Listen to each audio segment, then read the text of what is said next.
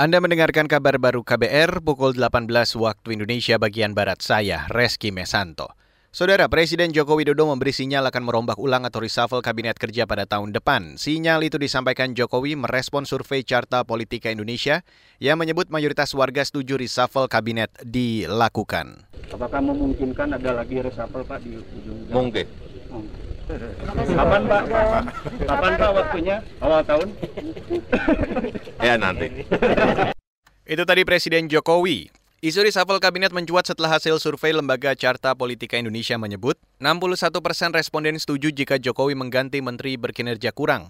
Survei Carta Politika dilakukan pada 8 hingga 16 Desember terhadap 1.200-an sampel di seluruh Indonesia dengan margin error kurang lebih 2,8 persen. Beralih ke berita selanjutnya, Saudara, pemerintah meluncurkan platform atau portal Satu Data Indonesia. Menteri Perencanaan Pembangunan Nasional sekaligus Kepala Bappenas Suarso Monoarfa menyebut, Platform ini bertujuan menyatukan data pemerintah pusat dan daerah. Suarso mengatakan data valid sangat diperlukan dalam kegiatan pembangunan nasional. Portal Satu Data Indonesia mudah-mudahan dapat menjadi satu solusi. Portal Satu Data Indonesia itu kira-kira bisa berfungsi sebagai marketplace data pemerintah, yaitu yang mempertemukan supply dan demand terhadap data. Jadi kita punya marketplace yang namanya Satu Data Indonesia. Dalam hal ini portal Satu Data Indonesia. Karena itu portal ini harusnya terhubung ya dengan seluruh portal data di masing-masing kementerian,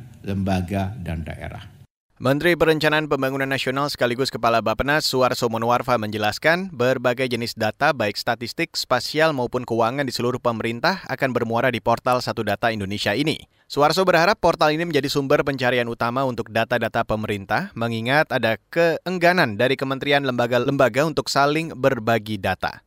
Saudara Korps Lalu Lintas Mabes Polri memastikan kelancaran dan keselamatan lalu lintas menjelang perayaan Natal dan Tahun Baru. Direktur Penegakan Hukum di Korlantas Polri, Aan Suhanan, mengatakan Polri telah memetakan lokasi rawan kecelakaan termasuk titik rawan bencana. Kami sudah menyiapkan ya pola-pola untuk mengantisipasi kalau terjadi e, banjir di 136 maupun 151, baik jalur A maupun jalur B. Ini tentu dengan rekayasa lalu lintas atau pengelolaan arus lalu lintas di tol tersebut di arteri baik nasional maupun di tengah ini kita perlu perkuat dan kita juga sudah mendapatkan penambahan personil dari Baharkam ya sebanyak 300 personil untuk mengelola arus lalu lintas di jalan nasional Pantura maupun di jalur tengah. Direktur Penegakan Hukum Korps Lalu Lintas Polri Aan Suhanan menambahkan kepolisian juga akan memperlakukan sistem satu arah di kawasan wisata Bogor dan ganjil genap untuk mengurangi kepadatan kendaraan. Korlantas Polri juga akan menggandeng Kementerian Perhubungan terkait pengujian kelayakan kendaraan, termasuk penegakan hukum kepada transportasi wisata yang berisiko membahayakan dan rawan kecelakaan.